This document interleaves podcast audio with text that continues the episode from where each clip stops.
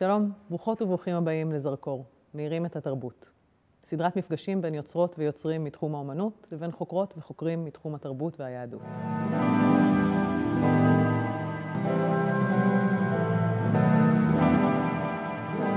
שנה מורכבת ומאתגרת עוברת על כולנו, ואחד התחומים שניזוקו במיוחד הוא תחום התרבות. מוסדות התרבות והבמות הוחשכו אי אז בחודש מרץ, ומלבד הבלחה קצרה בחודשי הקיץ, נותרו סגורים ברובם עד עצם היום הזה. בסדרת המפגשים הזו, שנוצרה על ידי מרכז נווה שכטר במיוחד לכבוד חג החנוכה, נשוחח עם מספר אומניות ואומנים שהמשיכו ליצור גם תחת מגבלות בלתי אפשריות. נזכה גם להאיר את יצירתן באור חדש, בעזרת חוקרות וחוקרים שהזמנו למעין קריאה פרשנית, או הזדמנות לקשור בין היצירה לבין תחומי המחקר שלהם. היום נזכה לארח את רננה רז, רקדנית, קוריאוגרפית ומנהלת אומנותית, ואת מירה רז, רבה רפורמית, מרצה, מנחת קבוצות וגם אימא של רננה. מיד נתחיל. אז כפי שהבטחנו, אנחנו כאן עם רננה רז, ברוכה הבאה. איזה כיף להיות פה. תודה שהצטרפת אלינו למפגשים האלה. בשמחה. אמ, נצלול פנימה. אה, היה איזה, היה איזה מומנטום אצלך רגע לפני הסגר הראשון, ספרי לי עליו קצת. אה, בפברואר, ממש בסוף פברואר, ממש שנייה לפני הסגר, אה, עשיתי אירוע, חגגתי 20 שנות יצירה. זה גם אירוע שעברו עליו כל מיני גלגולים, הוא נדחה, ובגלל שהוא נדחה חשבתי האם לקיים אותו, או לא לקיים אותו, בסוף החלטתי כן, זה חשוב, אני רוצה שנייה לעצור רגע בזמן, ו, ו, וככה לתת מקום לדבר הזה שגם לחגוג עשייה. אני חושבת שכאומנים אנחנו כל הזמן באיזשהו מין מרוץ וחיים כאלו קצת סיזיפיים לפעמים, ואמרתי, זה רגע לעצור ו... ואני זוכרת ששאלו אותי הרבה אם זה, אם זה רטרוספקטיבה. Hmm. וממש נמנעתי מהדבר הזה, אמרתי, זה ממש לא רטרוספקטיבה, גם איך שעצרתי את התוכנית, מאוד השתדלתי שזה יהיו עבודות שאני עושה עכשיו, שהן מחוברות לש, לשנה, שנתיים האחרונות. שהם יקיפו את העשייה שלי, אה, של דברים שמעניינים אותי עכשיו. אה, וכשאני מסתכלת על זה אחורה, אז אה, זה בעצם היה מין סוג של שירת הברבור. כאילו חגגתי את העשייה שלי, אבל בעצם זמן קצר אחר כך כל הדבר הזה התאדה. אין לי מילה זה אחרת. זה היה המפגש האחרון שלך עם קהל בעצם. כן, זה היה המפגש האחרון שלי עם קהל. אה, באינטנסיביות הזאת, בעוצמה הזאת, בהיקף הזה, אה, כן. ואיך, זאת אומרת, ביום שאחרי, מה... אני הייתי משוכנעת, כשהתחילה הקורונה, אני הייתי משוכנעת שאני הולכת להיכנס לדיכאון. זה היה לי ברור, כי החיים שלי סבבו סביב, אה, זאת אומרת, הופעות, אינטראקציה עם קהל, זה היה נראה לי משהו שהוא ממש מהותי לקיום שלי. ואמרתי לעצמי, אוקיי, חודש, חודשיים, איך אני עכשיו הולכת לשרוד את הדבר הזה בלי אה, דבר שחשבתי שאני כל כך אה, זקוקה לו. עכשיו, זה לא שאני לא מתגעגעת לזה, אבל אחד הדברים הבאמת אה, מדהימים שגיליתי בקורונה, זה שקודם כל, אני, יש את מי שאני ויש את מה שאני עושה, שזה פשוט שני דברים נפרדים. אני חושבת שזה עוד יותר קשה לאומנים להבין את זה. אני חושבת שכשאתה יוצר, אתה נורא בקלות מתמכר לאשליה שהיצירה שלך זה, זה מי שאתה. אז אה, פשוט הפיצול הזה נכפה עליי, אבל אה, הוא עשה לי משהו מאוד, אה, מאוד בהיר בהבנה הזאת של, של מי שאני, שזה לא קשור ליצירה שלי, וגם באיזשהו אופן, מסתורי או שלא, אני התחברתי למקצוע שלי במקום הרבה יותר עמוק ממה, ש... ממה שחשבתי על עצמי, או ממה שצפיתי שיקרה לי. כלומר, כל העניין הזה של הופעות הפסיק להטריד אותי מהר מאוד. אמ, אני זוכרת שחילקו אנשים לעובדים חיוניים ולא חיוניים, ואני פשוט הרגשתי שאני סופר חיונית לקהילה שלי ולתקופה, ושאני כבן אדם ש... שזז עם הגוף שלו, ויש לי ידע על, על תנועה ועל אה, מרחב ועל מגע ועל אה, גמישות, זה הזמן שלי לנצנץ. אמ, ויש לי ידע שאני יכולה לתרום אותו לאנשים ולמקום שאני חיה בו. ו... ומהבחינה הזאת פתאום הרגשתי מה זה אומר להיות אשת תנועה. Mm. זה לא רק איזה טייטל או קוריאוגרפית או רקדנית, יש לי, כאילו, עומדות מאחוריי באמת כל כך הרבה שנים, שזאת הייתה הפרקטיקה שלי. ולמדתי מה זו תנועה במובן העמוק של המילה. באיזה אופן למשל? Uh, באופן שהדבר הפשוט ביותר זה להבין מהות של תנועה. אם אני יודעת שתנועה זה, זה קודם כל זה משהו שהוא כל הזמן משתנה.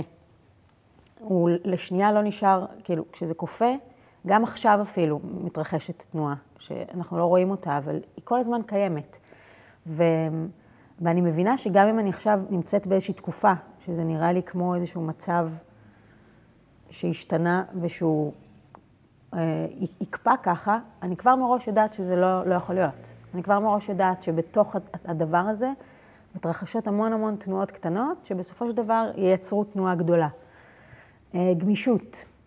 אני יודעת שגמישות זה לא תכונה שאתה נולד איתה בהכרח, זו תכונה שאתה מפתח אותה. ואתה מפתח אותה באימון, בהתמדה, בחוסר התנגדות. Hmm. כלומר, אם אני עכשיו נורא נורא ארצה להיות גמישה, זה לא יקרה לי, כי אני אקצר. אבל אם אני פשוט כאילו אנשום לתוך איזה משהו ארוך, אז לאט לאט כאילו הגוף יצנח לתוך ה... אז לגבי התקופה הזאת, גמישות, זה כאילו דבר שהוא כל כך יקר ערך. איך אני נושמת לתוך התקופה ואני פשוט נוכחת. אני לא מנסה לשנות אותה, אני לא משנ... מנסה למתוח אותה למקומות שאני פשוט שוהה בה. והשהייה הזאת היא תאפשר לי גמישות בתוכה. אה, מגע, כאילו כמה זה חשוב מגע בין אנשים, ולמרות שאנחנו ריחוק חברתי, ריחוק חברתי, איך, איך אתה מוצא, להפך, איך אתה מוצא לך במסגרת המגבלות עוד, אה, עוד נקודות מגע. אה, מרחב, מרחב שכאילו הולך ונסגר, איך אתה מתבונן על המרחב שסביבך, ולא רק מסתכל על ההגבלה, אלא על, על איזה אפשרויות מתגלות לך כתוצאה מהצמצום הזה. אמ, וכמובן, כאילו, הדבר שהכי בשבילי היה משמעותי זה, זה לייצר קשר עם ילדים בתקופה הזאת. הרגשתי שילדים, בעיקר בגילאים מסוימים, נשמטה להם הקרקע מתחת לרגליים. כאילו, יום אחד הייתה להם מסגרת, יום, ש... יום שני פשוט זה נעלם. והם גם לא בגיל שאפשר להסביר להם מה זה קורונה, מה זה מגיפה. ילדים שאוהבים לרוץ תמיד, כאילו כמו כזה גורים של כלבים, פתאום נכלאים בתוך בית. אה, המון המון דברים שהרגשתי שאוקיי, זה הזמן אה, להתחיל אה, להפעיל את הכלים שאני יודעת. אז באמת תיארת עכשיו ארגז כלים נורא יפה ומדויק, ומעניין אותי איך, איך זה בא לידי ביטוי. זאת אומרת, מה מצאת את עצמך עושה? אז הדבר שהיה לי מאוד מאוד משמעותי זה, יש לי סדנות לילדים שקוראים להם בוגי ווגי, עם שתי חברות שלי, איליה שליט וטל בורשטיין, וממש כשהסגר התחיל, הסגר, אה, נראה לי, הכריזו עליו ביום חמישי, ביום ראשון כבר היינו מוכנות עם אה, פשוט מערך שיעורים בזום אה, לילדים בגיל הזה. ואני נורא גאה בזה, כי יצרנו משהו מאוד מאוד אינטראקטיבי. אני חושבת שה... המסך יש לו המון המון יתרונות, רשת זה דבר שמאוד uh, מעניין אותי ואני מוצאת בו המון דברים טובים, אבל בכל מה שקשור לתנועה ולגוף, יש המון סכנות בדבר הזה. ואני חושבת שהצלחנו לייצר מפגש שהוא משתמש בטכנולוגיה, אבל הוא לגמרי um, מחזיר את נקודת הכובד לגוף של הילד ול, ולמרחב שהוא, שהוא גר בו. ואיך הוא יכול להתבונן על המרחב הזה כפשוט מקום להרפתקאות חדשות. ואיך אמ, כל פעם שאנחנו שולחים אותו להביא משהו מהבית, אז אמ, הוא יוצא להרפתקה, כי הוא לא, הוא לא יודע מה נבקש ממנו, והוא לא יודע מה נעשה עם הדבר הזה שהוא לפני שנייה עבר במסדרון ובכלל לא הביט בו, ופתאום זה הופך להיות עולם ומלואו. אז, אמ, וגם התחושה הזאת שאני חושבת שילדים, כשהם השתמשו בגוף שלהם בזמן, בזמן הזה, זה חיזק להם את הביטחון בעולם, בעצמם, הכל, הכל עובר דרך הגוף שלנו, בסופו של דבר. הגוף זה הכלי הכי משוכלל ומדויק בשביל לעבד את החיים שסביבנו. אז ממש הרגשתי שאנחנו היינו עוגן בשבילהם בתקופה הזאת. אמ, זה התחיל משלוש פעמים בשבוע והגענו לחמש פעמים בשבוע. כלומר, הייתה היענות גבוהה גם. הייתה היענות מאוד מאוד גבוהה, ואני יודעת על משפחות שממש היינו הציר שלהם ביום. כלומר, בונים איזשהו לו"ז, ויודעים שיש אה, בוגי ווגי בארבע וחצי, אז בונים גם סביב הדבר הזה. ו, וזה מילא אותי בהמון המון משמעות אה, פתאום של, של מה שאני עושה. ואז פתאום המחשבה כאילו על חסר לי להופיע, זה היה נראה לי כל כך, אה, בסדר, אז חסר לך להופיע. זה ייקח זמן, תחזרי להופיע, זה לא נעלם. אבל יש כאילו דברים כל כך אה, חשובים ומעניינים שקורים עכשיו, אז... והצלחת למצוא גם איזה, איזה אופק יצירתי משלך כיוצרת? אמ, כן, אני בזמן הקורונה התוודעתי לאיזשהו ספר אה, שכתבה אותו ננה אריאלי, אה, הספר הכי משעמם בעולם. וזה היה סופר רלוונטי לתקופה, כי פשוט לכולם, לא יודעת אם שיאמם, אבל זה היה מין נושא שעלה לכותרות, גם אצל הילדים וגם אצל המבוגרים. ו... והתחשק לי נורא לעשות עם הדבר הזה משהו, ו... והתחלתי לחשוב על איזשהו עיבוד של הספר אה, להצגה הכי משעממת בעולם. אה, וזה משהו שעכשיו התחלתי לעבוד עליו. אה, איך זה מרגיש עכשיו להיכנס לסטודיו במין תקופה כזאת? את מרגישה הבדל משמעותי, או שזה דווקא משהו רוטיני יותר בתוך הכאוס? אמ, זה מרגיש, זו פעם ראשונה שאני נכנסת לסטודיו, אין לי תאריך יעד, אני לא יודעת למה אני עובדת, אני לא יודעת אמ, לאיזה פלטפורמה, אין איזה פסטיבל או משהו ש... ומתוך החלטה מודעת, אמרתי, אני רוצה לנצל את התקופה בשביל אמ, להתחיל חזרות. על משהו שמעניין אותי, בלי שאני יודעת אה, לאן זה הולך. ו... ויש בזה תחושה של חופש ושחרור אה, מאוד מאוד גדולים. לא, לא עשיתי את זה אף פעם. זה תמיד היה לעבוד בשביל איזשהו יעד. פתאום אני נכנסת לסטודיו, כי זה פשוט מעניין אותי. עכשיו, אני גם לא יודעת מה יצא עם זה. יכול להיות ש... יצא משהו מאוד מעניין, שנרצה לחלוק אותו. זה בעיה אם יצא משהו מעניין. יכול להיות שזה, שכאילו אני אגיד, בסדר, ניסיתי, אבל זה לא... ש, שזה דבר שאני לא, לא כל כך מכירה בכלל. אמ, זאת אומרת, אני כן מכירה רעיונות שנושרים על הדרך. אני לא מכירה משהו שאתה מביא אותו כבר לסטודיו ומממש אותו, ואז אולי מחליט שזה לא... ואני מאוד מאוד אוהבת את זה, אני עובדת פשוט בנחת. יש המון נחת בחיים שלי בכלל. כשקוצצים את העתיד? אמ, זה דיסוננס שאני מאוד, אה, שאני חיה איתו, בין משהו אישי שקרה לי, שהוא מאוד, אה, אני מרגישה שיש בו המון נחת, והתרווח לי משהו. אמ, והזמן שהשתנה, האינטנסיביות שלו, זה משהו שאני מרגישה שאני רוצה לאמץ, לבין מה שקורה מסביב, שזה פשוט מין... אמ, כאוס טוטאלי. וזה זה, זה מין דיסוננס כזה שלפעמים כשאני ממש חווה אותו, הוא ממש, זה על סף ההתקף חרדה, כאילו זה הסף על כזה. אמ, אבל אני גם מזכירה לעצמי שאני מאוד בת מזל. אה, יכולתי בקלות אה, להיות במצב ממש לא טוב. התמזל מזלי, ואני, ואני שורדת את התקופה, כאילו, אני לא מרגישה שאני על, על איזשהו סף. Mm.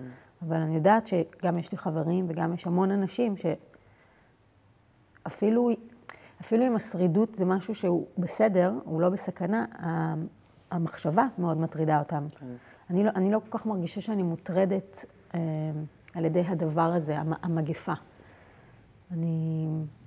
מרגישה שאני מתבוננת יותר mm. משאני...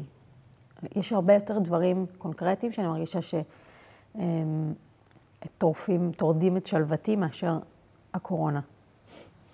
מיד נמשיך משם גם, אבל אני רוצה לחזור רגע לעוד איזה דבר. זאת אומרת, דיברת על העניין של, ה, של ההוראה של בוגי ווגי ועל היצירה האישית שלך, אבל עוד דבר שעשית, אני חושבת שמהראשונים נכון. שקרו, היה נורא מוקדם לתוך הסגר, ברגע שאני חושבת ש... הרבה אומנים עוד לא ידעו בכלל איפה הם זה, הם כן, הם, הם צפו שהם יהיו בדיכאון, הם לא בדיכאון, הם עוד לא החליטו וזה, ופתאום יוצא קול קורא. נכון. אמ, אני מקבלת שיחת טלפון בלילה אחד, ממש בעיצומו של הסגר. אני זוכרת, היה פשוט, הייתי לבד, כולם נרדמו בבית, הייתי כזה לבד.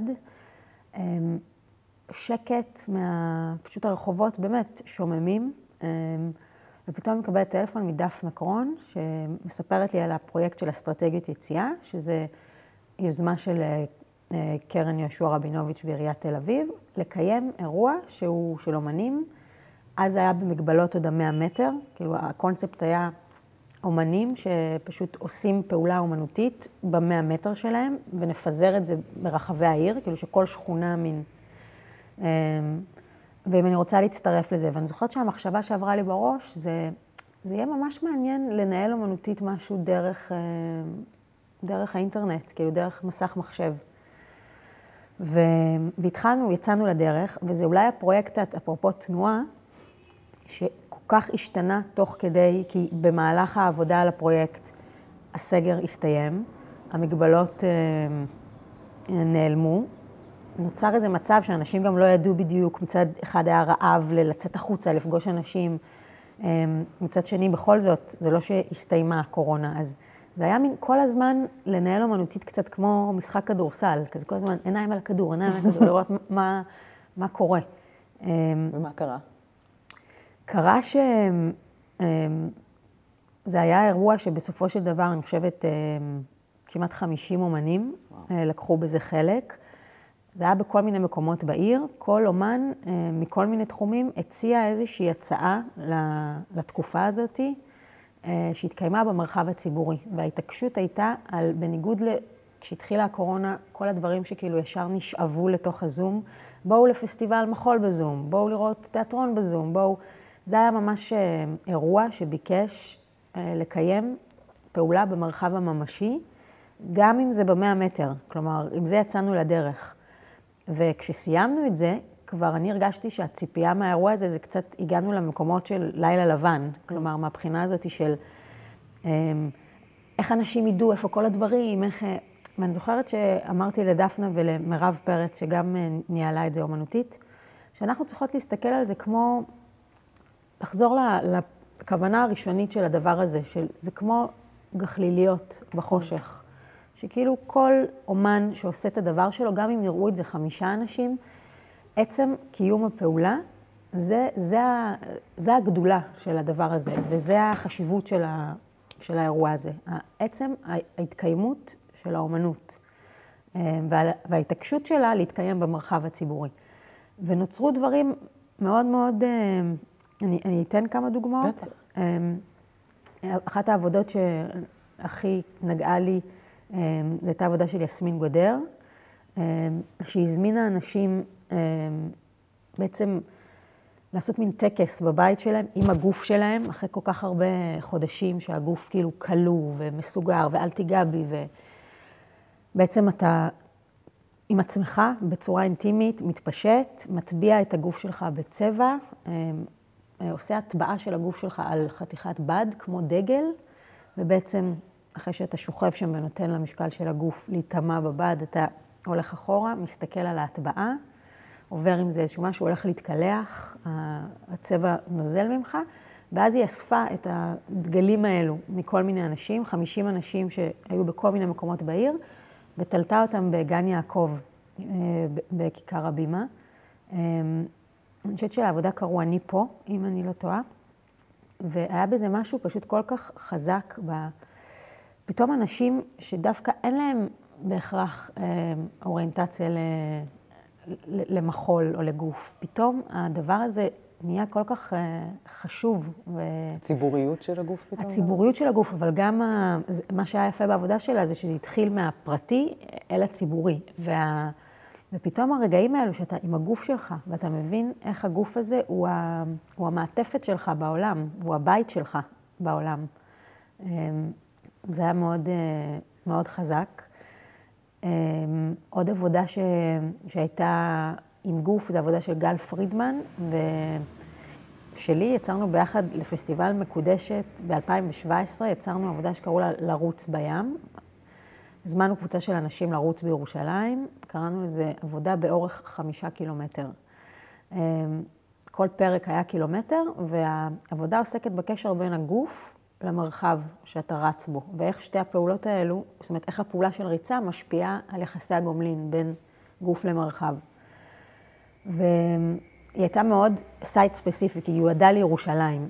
ועכשיו, באירוע של אסטרטגיות יציאה בתל אביב, עשינו איזשהו עיבוד, קראנו לזה לרוץ לים, והזמנו אנשים אה, לרוץ. ושוב פעם, הדבר הזה שאסור היה, היה לרוץ, אסור, אסור היה ללכת לים, כאילו שני הדברים האלו, פתאום לשים את הגוף במצב שהוא גם רץ ומרגיש איזשהו מרחב, וגם מגיע לים, שהים הוא, הוא מקום קונקרטי, אבל הוא גם מקום סימבולי. כלומר, כשאני עומדת מול הים ורואה אופק, אז יש לי גם אופק פה, משהו מתרחב לי ב...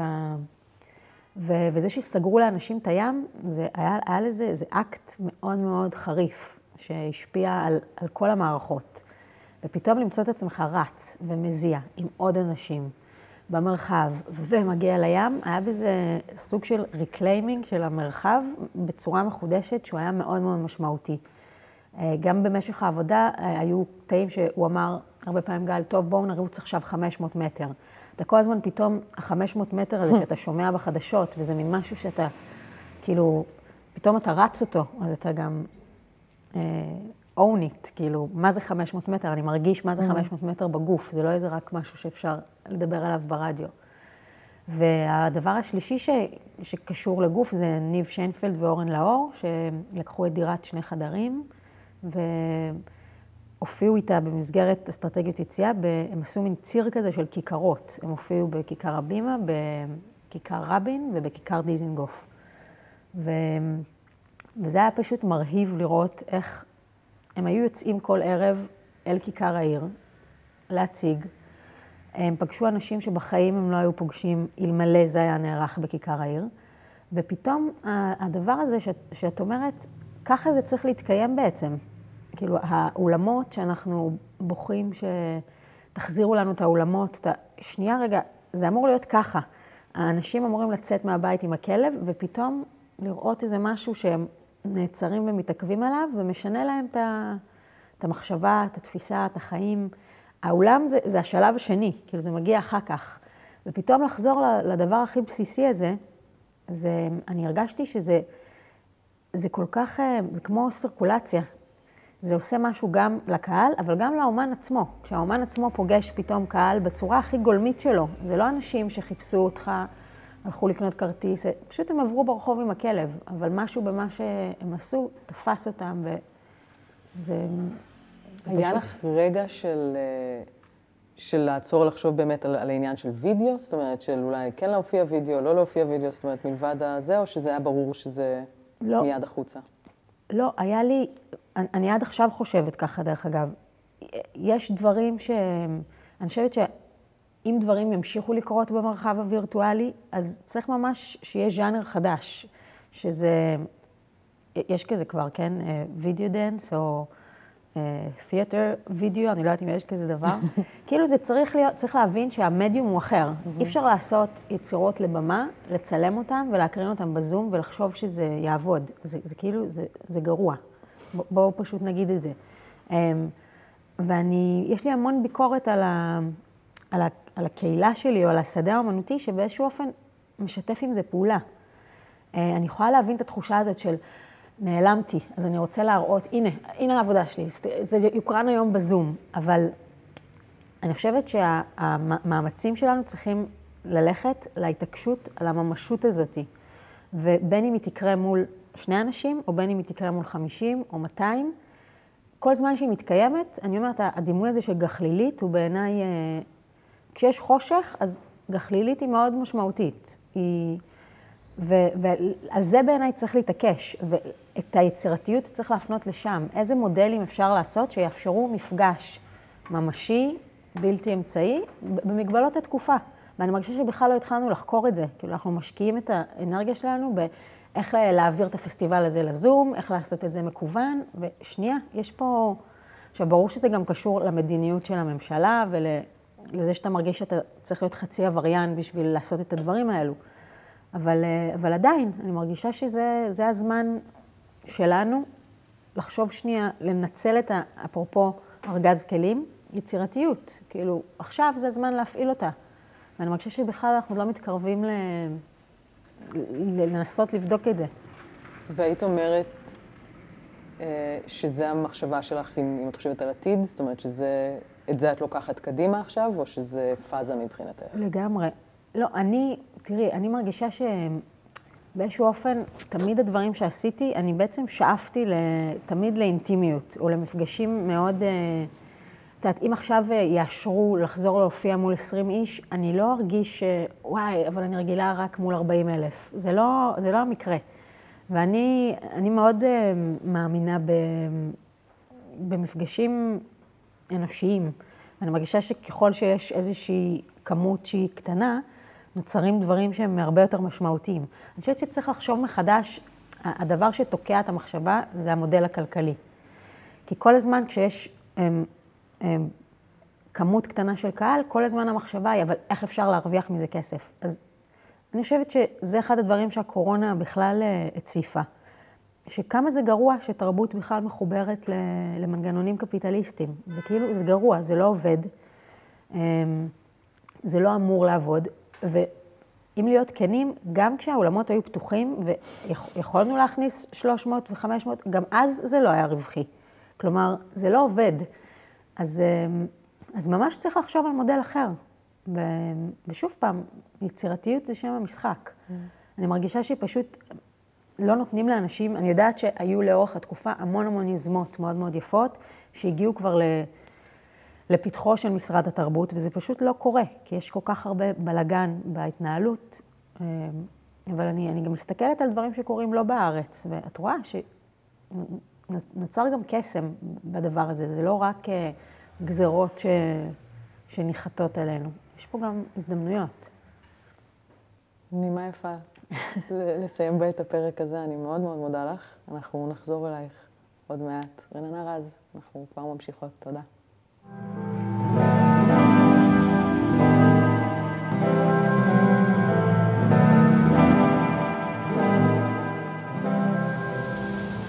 אז אנחנו כאן עם, אה, עם מירה רז, שהיא רבה רפורמית, מרצה, מנחת קבוצות, והצטרפה אלינו היום כדי אה, להעיר קצת על אה, לנושא השיחה שעלו בשיחה עם רננה. תודה על ההזמנה. תודה שבאת אלינו. אה, אני מצפה בקוצר רוח. את בעצם מכירה את הקיום ואת היצירה של רננה אה, כנראה יותר, מ, יותר זמן מכל אחד אחר. נכון. אבל מעניין אותי דווקא המפגש עם, עם העשייה שלך. זאת אומרת, ההתבוננות, ההתבוננות שלך בעשייה שלה ואיך זה מתקשר לעולמות שאת עוסקת בהם. אה, אז אם תוכלי לשתף קצת בזה, זה יהיה נפלא. בשמחה. אה, תראו, העולם שאני באה ממנו, הבסיס שלו זה הטקסט של התורה. בשבילי זה ספר מדהים. ואני רואה בתורה, לא רק אני, כשאני אומרת אני, עומד מאחוריי, אני כאילו חוליה בשרשרת, שראתה בטקסט הזה הרבה יותר מהפשט שלו. אז יש את הביטוי הזה להיכנס לפרדס, כן? לפרדס, פשט, רמז, דרש, סוד. בפשט כלום. הזוהר אומר שבעצם כל סיפורי התורה הם לבושים. וכמו שאנחנו לא רוצים לשפוט בן אדם על פי הלבוש שלו, אלא אנחנו רוצים להכיר את נשמתו, מה יש שם, לא רק הלבוש. בגד זה קצת בגידה, זה... צריך להכיר את הפנימיות. אז פנימיות התורה, זה הדבר, זה כמו שורש שמתחבר בעצם לכל מה שקיים, לכל הבריאה, כי השורש הוא גם מקור הבריאה. אז uh, כשאני רואה את היצירה של רננה, את האומנות שלה, הרבה פעמים אני רואה את זה דרך הפריזמה של המסר שהתורה נותנת לנו על הקיום של האנושי בכלל, על מהות האדם. ואחד הדברים הבסיסיים, כמו שפעם היו אנשים אנאלפביתים, לא ידעו לקרוא ולכתוב, אז סליחה על הדימוי, מי שלא מבין את ההבדל, כל אדם בעולם, לא רק, זה לא שייך ליהודים בבני ישראל, מי שלא מבין את ההבדל בין נפש ונשמה, שמופיע כבר בבראשית פרק ב' פסוק שבע, וייצר הוויה אלוהים את האדם עפר מן האדמה. קודם כל צריך גוף, אנחנו בעולם של גופים. ואז כתוב, ויפח באפיו נשמת חיים, ויהי האדם לנפש חיה. ויפח זה לא וישם לו וייתן לו, ויפח, פו, דיברה תורה בלשון בני אדם, זה נתן לו משלו. זה אותו דבר בדיוק. אם אלוהים הוא ים, אז הנשמה היא טיפה מהים, בטהרתה ובנצחיותה. ובמהותה, שהטיפה הזאת יודעת להיות אחד. מסתכלת על ים ועל מים, את לא רואה טיפות, צריכה להפריד. אז הגוף כאילו מפריד טיפה מטיפה, אבל רק תוציא אותו מהגוש, זו התודעה שלה. ואז קודם כל, ויפח באפיו נשמת חיים. ואז כתוב, ויהי האדם לנפש חיה. ונפש חיה זה כל החיות, זה נפש חיה וגם מתה, זה החומר. זה התודעה של ההישרדות והחומר. אז צריך להבין את הכוחות האלה שהם בילט אין בכל יצור אנושי, נפש ונשמה. מכאן באה היצירתיות. את דיברת קודם על דיסוננס, או רננה הזכירה, לא זוכרת באיזה הקשר, את המילה דיסוננס. את שאלת אותה, איך אפשר לחיות בדיסוננס כזה? אבל בתשובות של רננה לא יצא שום דיסוננס. יצא אחדות של ניגודים. וזאת הבריאה. הבריאה כולה, למה היא קשה לנו? כי היא צריכה לאחד ניגודים. קורונה ויצירתיות. ניגוד, אבל זה לא ניגוד. שמענו דווקא דברים נורא יפים, כמה זה לא ניגוד. אבל זה קשור ביצירתיות. והיצירתיות הזאת, זה נורא מעניין שבעברית יש שתי מילים לאותה, לאותו דבר באנגלית, creation, נכון? זה גם בריאה וגם יצירה, למיטב ידיעתי. אבל בעברית יש יצירה ויש בריאה. ש... זה שלב אחד למטה. Hmm. יש עשייה, יצירה, בריאה. עולם היה עשייה, יצירה, בריאה. עולם היצירה זה בדיוק החיבור, אבל כשאת הגעת לבריאה, את באחדות הניגודים. Hmm. זה היה עולם הבריאה. הכל נברא למיניהו, למיניהו, למיניהו, למיניהו, אבל קיבלנו גן עדן, לא? קיבלנו עדינות. לא היו קונפליקטים, לא היו מלחמות, לא היו שפיכות דמים. היה אחד. אז בכל מקום שיש קונפליקטים, כל היצירתיות של האדם זה לברוא את האחד. ובאומן, כמו ששמענו מרננה, כמה שאומן צריך בעולם הנפש חיה, מה שהיא דיברה, כל מה שהיה חסר, זה העולם של העשייה. זה, אבל אז היא אמרה, פתאום גיליתי שתנועה, שה... כל ההופעות וכל העולם הישן זה היה באמת עולם של עשייה, וזה היה כאילו המהות. אבל פתאום כשזה נעצר, את מגלה שהמהות שלך היא לא בעשייה. Mm. העשייה היא רק כלי למהות הזאת, אבל אותה מהות יכולה להתבטא בכלים אחרים, ובצורה אחרת, ובצורה יצירתית יותר. וזה מה שהקורונה הזאת כאילו, לא יודעת אם העלתה או לא העלתה, אבל יצרה מין מצב שאת צריכים להתעלות מעולם העשייה. אל היצירה? אל היצירה, ואם בן אדם מצליח לעשות את עולם הבריאה, את העדן הזה, שבמקום שהוא מרגיש קונפליקט ועוד מעט הוא מת, הוא פתאום יכול לפרוח ולהיות באחד של מה, וואו, he did it. זה דבר אפשרי לתפיסתך, המעבר מיצירה לבריאה? בוודאי. באדם? בוודאי. את יודעת איך אני יודעת? השבת היא דוגמה לזה. בלי קשר לאורח חיים אורתודוקסי קונסרבטיבי, זה לא שייך לאיך, זה שייך למה. המה הוא אחד. שבת זה משקיעה עד שקיעה, שישי עד מוצאי שבת. יש לך, מה אנחנו אומרים בקידוש? זכר, זיכרון למעשה בראשית, זה peace of גן עדן.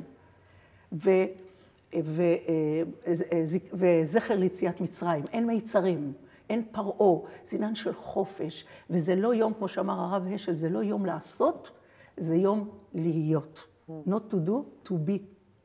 ובעברית גם, כשאנחנו אומרים את השמע ישראל, כתוב שם י' ה' ו' לא כתוב א' ד' נ' י', כולם אומרים אדוני אחד, זה טעות, טעות, טעות, נורא חבל, שלא אומרים הוויה אחד. כי השמע ישראל שלנו זה בדיוק ג'ון לנון. And the whole world would live as one. נכון הוא אמר את זה? זה שמע ישראל, שמע ישראל, הוויה אלוהינו, הוויה אחד. one being. Everyone is one being. הכל הוויה אחד. מי אמר את זה? תורתנו הקדושה. אבל מה? זה ספר של מודעות קודם כל. התורה זה לא שולחן ערוך. אבל אני לא נגד שולחן ערוך, מי שאוהב שיהיה בשולחן ערוך, זה, זה אני לא, לא שוטר של אלוהים ולא שום דבר. אבל קודם כל זה מה, אחר כך זה איך.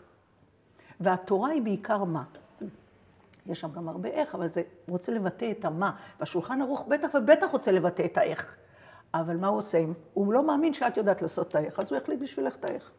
אני ברוך השם אדם חופשי ואני אקבע לעצמי, לא רק אני, מציע לכולם, להבין טוב טוב את המה, כי זה האוצר הגדול, והוא לא שייך רק לשולחן ארוך. ואיך את חווה את זה כשאת uh, מתבוננת uh, באומנות? או, אז אומנות זה נורא מעניין, כי בעצם מה האומן רוצה לבטא שם? משהו מנשמתו, משהו מהווייתו. והעשייה זה רק כלי, אז לא להתבלבל. לא להתבלבל. הרבה פעמים את יכולה לראות, נגיד, איזה משהו שמבחינת עשייה, ואם זה תנועה בגוף וכל מיני דברים כאלה, וזה נורא מרשים, אבל תכלס, לא אמר כלום כאילו, אז מה? אז מה? אני ראיתי פסנתרנים, דופקים על הפסנתר, טכניקה לא נורמלית וזה, טיפת נשמה לא היה שם. אז צריך אה, לשים לב. וזו חוויה, את מתכוונת לחוויה שלך כצופה, או שזה התכווננות פנימית מבחינתך? הם חייבים להתקיים במקביל? האידיאל זה האחד, זאת אומרת, תשתמש בכלי ותיתן את נשמתך שם. ולכן גם אומרים כל מיני דברים כמו דברים שיוצאים אל הלב, נכנסים אל הלב. זה לא ייכנס רק דרך הכלי. או שזה יהיה לאנשים נורא חסומים, אני קוראת לזה. כי כל אדם יש לו את היצירה והבריאה. כל אדם יש לו את זה. זה רק כמה הוא מתרחק מזה. ובגלל זה עבודה של מודעות, עבודה של לימוד, יכולה לפתוח את הדרך מהנפש אל הנשמה, מהחומר אל ה... לא אל, הרו... אל, אל, אל הנשמה, פשוט ככה, למקום שיודע לאחד ניגודים ולעשות שלום ושלווה. ואם אפשר עוד דבר, אה, אומרים, וזה נורא נכון בעיניי, בטח, שהשינוי זה הדבר הכי קבוע בחיים. הדבר הכי קבוע. לכן לא צריך כל כך להתעצב כשאנחנו מזדקנים או מתקמטים, אז מה, זה הכל בסדר, ככה זה צריך להיות. מה, מה ציפינו, מה חשבנו? מה חשבנו לעצמנו בהיבריס שלנו, שאנחנו באים הנה להישאר אותו דבר? ברור שלא. וזה לא הדבר העיקרי גם בכלל. אבל מצד אחד שמענו הרבה מרננה על תנועה, ותנועה ותנועה, כמו שינוי תנועה ותנועה ותנועה. מצד שני, והתנועה מאוד קשורה לעשייה. היא מאוד קשורה לעולם עשייה, אבל החיבור של הצד השני של המטבע, מה שנקרא. ואני רוצה להגיד שכשאומרים שני צדדים של אותו מטבע, הדוגמה הכי טובה להבין כמה הם מחוברים, זה שאיפה ונשיפה. את יכולה להפריד ביניהם. אי אפשר להפריד ביניהם. את יכולה לעצור את הנשימה לשתי דקות, לשתי שניות, אבל אי אפשר להפריד שאיפה ונשיפה. אז אותו דבר, כשאני אומרת שני צדדים של אותו מטבע, אי אפשר להפריד ביניהם, אי אפשר. אז מצד אחד יש תנועה, ברור. אנחנו בעולם העשייה, אוי ואבוי אם לא ננוע, ויעמוד ויסריח. חייבים להיות בזרימה ובתנועה כל הזמן. מצד שני, במקומות שאנחנו הכי מתחברים אליהם, מהצד השני של המטבע, שזה חייב להיות ביחד, כי זה צריך לבוא לעשייה, זה כל דממה דקה. יש דבר כזה שהכל דומם. מה זה דממה? זה מדומם. הכל דומם. מה דומם? כל העשייה דוממת. אפילו מעמד הר סיני אומרים, היה עמד. כאילו כל תנועה שהייתה ביקום, stand still, עמדה ככה. ונשמע קול דממה דקה. אבל זה הקול הפנימי. בחוץ לא היה שום קול, היה דומם. למתים קוראים בתהילים יורדי דומה. אלה שיורדים, החומר הפיזי, הגוף, יורד והוא דומם שם. אז אין תנועה, אבל נשמע קול פנימי, וזה הקול של ההוויה, כי העשייה עצרה. אז זה לא אומר שאם אין עשייה אין קול. ההפך, לפעמים, זה השבת, שאת משקיעה, זה משביתה, את משביתה את עולם העשייה והתנועה והבא, בא, בא, בא, בא, ואז נשמע איזה קול שלוקח אותך ליצירה ובטח לבריאה. ואני חושבת שכל אומנות במיטבה, במיטבה, שגם נשארת נצחית, עשתה את התהליך הזה. זה יהיה קישור נפלא לחזרתה של רננה. תודה רבה, מירה רז, אנחנו מיד ממשיכות.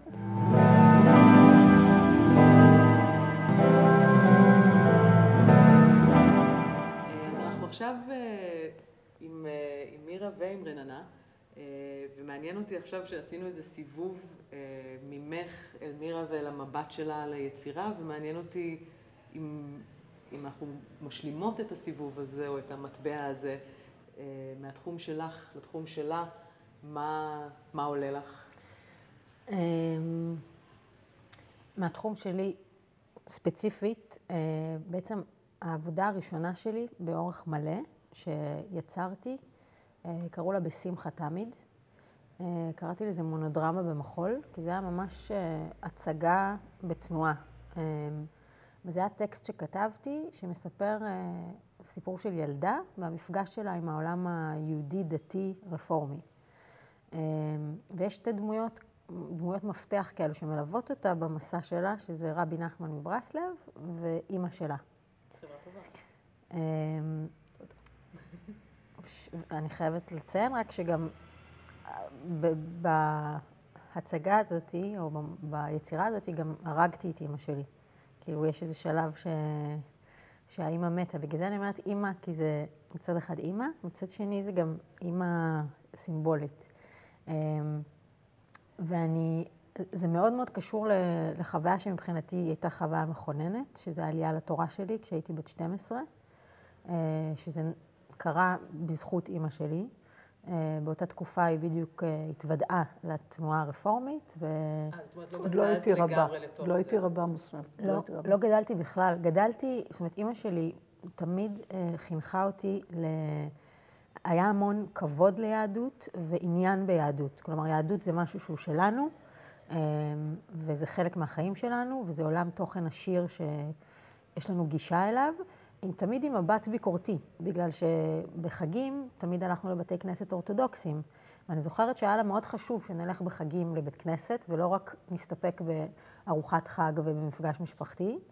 אה, אבל כשהיינו עולות לעזרת נשים, היא כל הזמן הייתה מבקרת, למה אנחנו פה? למה אנחנו לא יכולות להיות? תראו אותם, איך הם ליד הזה, ואנחנו צריכות פה להיות... זאת אומרת, שגדלתי עם, עם הדואליות הזאת של, אה, של מבט ביקורתי על ה... ואז כש... היא התוודעה לתנועה ליהדות מתקדמת, אז היא שאלה אותי אם אני רוצה לעלות לתורה, וזה בשבילי היה מין אה, ברור שרציתי, וזו ממש חוויה מכוננת. אבל אני אומרת את זה בהקשר של בשמחה תמיד, כי אני חושבת שזה אה, זה מקום שהוא מלווה אותי עד היום, שהיצירה בשבילי היא חלק בלתי נפרד מהחיים. היא כלי ל... לעבד ולנתח ולהתבונן על, על החיים שלי ועל החיים באופן כללי. ולכן, את הרבה פעמים כשהסתכלת עליי בנוף של הסצנה, זה היה מין כזה, מי, זאת הקוריאוגרפית המוזרה הזאת שרוקדת עם טלית וכיפה, וזה כאילו משהו שכל כך לא נראה שזה משהו שהוא קשור לתוכן של עולם המחול העכשווי. אמ, אבל זה לא דבר. שהעסיק אותי, כי מבחינתי זה הגוף שלי, זה האכסניה שלי, ואני בודקת דרכו את כל הדברים שמעצבים אותי ומעניינים אותי. ו... אני, ו... רוצה, אני רוצה רגע, אפשר? אני רוצה להגיד שההופעה זה היה האיך, הכלי, כן? ומה שרננה הביאה זה משהו מההוויה שלה, משהו מהחוויה שלה הנשמתית, מה שזה, וישבו אנשים צעירים שם, ואני זוכרת את התגובות, אני ראיתי את זה כל פעם שזה הופיע. היו ניגשים אליה אחר כך, והיו אומרים לה, איך זה מעורר אצלה פתאום איזה חשק כן ללכת לבית כנסת, וכן להתקרב את זה. אנשים שאותו דבר כמו שהיא אומרת, זה בכלל לא היה חלק מהחיים שלהם.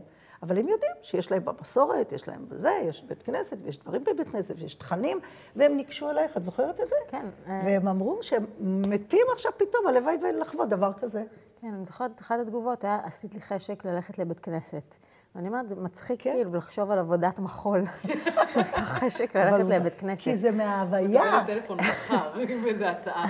אבל אני חושבת שזה משהו שמעיד על, על היצירה שלי באופן כללי, שאני גם תמיד אומרת את זה, שמבחינתי העיסוק בגוף ובתנועה הוא, הוא איזשהו אמצעי. הוא אף פעם לא הדבר עצמו. את יודעת, יש קוריאוגרפים שנורא מתעניינים בגוף, וחוקרים את הגוף, ואת החלל, ואת הקומפוזיציה, ו...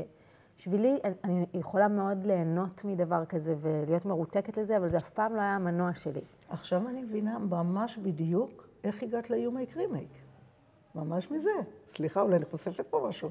אבל כאילו, הקטע של התנועה כבר, כל העבודות קוריאוגרפיה שעשית, די, כבר הרגשת כאילו איכשהו מיצית, אפילו פעם הבנתי ממך משהו כזה. ואז היא הלכה ויצרה את היקרימייק, שזו יצירה מדהימה, באמת, וזה בא מהמקום הזה, של החיים. ולא של ההתעסקות רק בעשייה הזאת. ואת מרגישה שהעולם הזה באיזשהו מקום נשאר שם בעבודה הזאת, או שזה ממשיך ללוות אותך באיזשהו אופן? העולם שלי? העולם היצירתי? העולם של הדיאלוג שלך עם היהדות נקרא לזה, או אמ, הסקציה הזאת בעולם התרבותי שלך? אני, בשבילי יהדות, זאת אומרת, אני נתתי את זה כדוגמה, כי זה גם אחת העבודות הראשונות, וגם אני זוכרת שממש הרגשתי שליחות לעשות את הדבר הזה. היה לי נורא חשוב שאנשים התוודעו לחוויה שלי, ש...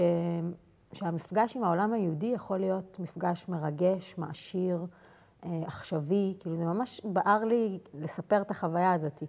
אבל מבחינתי, כשבאים לבחון את הקשר של יהדות ליצירה שלי, אני מרגישה שיהדות זה דבר שהוא כל כך רחב, כמו שאימא שלי, כן, זה גם משהו שגדלתי עליו, שיהדות זה לא רק השטייטל והמגן דוד והמנורה, זה... זה עולם מושגים שהוא בעצם אוניברסלי מאוד ורחב, כמעט כל רעיון או איזשהו אה, אה, תמה שתחשבי עליה, את איכשהו את יכולה לעשות, ואת תמצאי כאילו את השורש ש, שקיים ביהדות. ואני מרגישה שאימא שלי מאוד אה, חינכה אותי על התפיסה הזאת. ולכן אני יכולה לתת לך יצירות שהן בכלל לא קשורות כביכול לעולם היהודי, ולהגיד לך, הנה, אה, אני מרגישה שזה התעסקות עם אחדות הניגודים, זה התעסקות עם... אה, נפש ונשמה. כן. מה- מהבחינה הזאת, אז בשבילי זה פשוט באמת, כאילו, ארון הספרים היהודי הוא, הוא כאילו, הוא פתוח לרווחה. וזה אני רוצה כל לא- הזמן. אני רוצה להוסיף שגם לפני ארון הספרים, בשבילי, יש את הטקסט של התורה. זה ה basic של הכל. של ארון הספרים היהודי, של הנצרות, של האסלאם, וזה פשוט, יש שם ידע כל כך אוניברסלי, שהרבה פעמים אנשים שומעים שיעורים שלי או באים, אבל זה בודהיזם, הם אומרים לי. אמרתי, נו, אז מה? בסדר, יפה מאוד.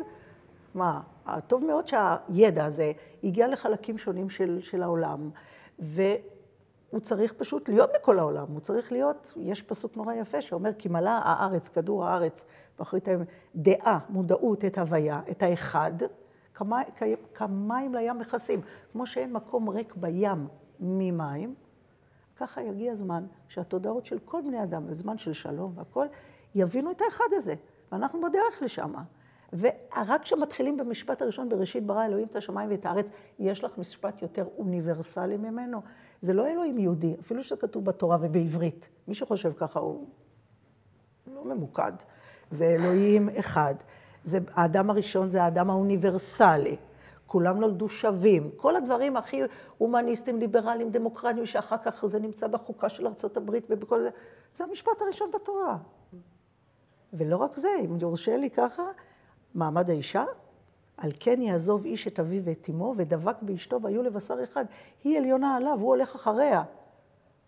אז כולם... לסיום. כן, אז כולם זוכרים, והוא עם שולבך. כן, שזה כבר מחוץ לגן עדן ובעולם מקולקל. אבל הבריאה, כל הסיפור של הבריאה עד הגן עדן, איזה עולם מדהים קיבל, קיבלה האנושות. האנושות. באחדות היהודי, הניגודים, זה ערך מרכזי בסיסי בתורה, שבגלל שאנחנו כל כך התרחקנו מזה, יש את המושג המופלא הזה של תיקון עולם. והכל אוניברסלי. מדמיינת המון אה, ארונות ספרים פתוחים לרווחה. שהמוח יהיה פתוח לרווחה יהיה יותר טוב. מה שבספרים. מירה רז רננה רז, תודה לכם, תודה לכם. תודה גם אה, תודה. למרכז נווה שכטר, לצוות שלנו, לארוחות הנפלאות שלנו. ניפגש במפגש הבא. תודה.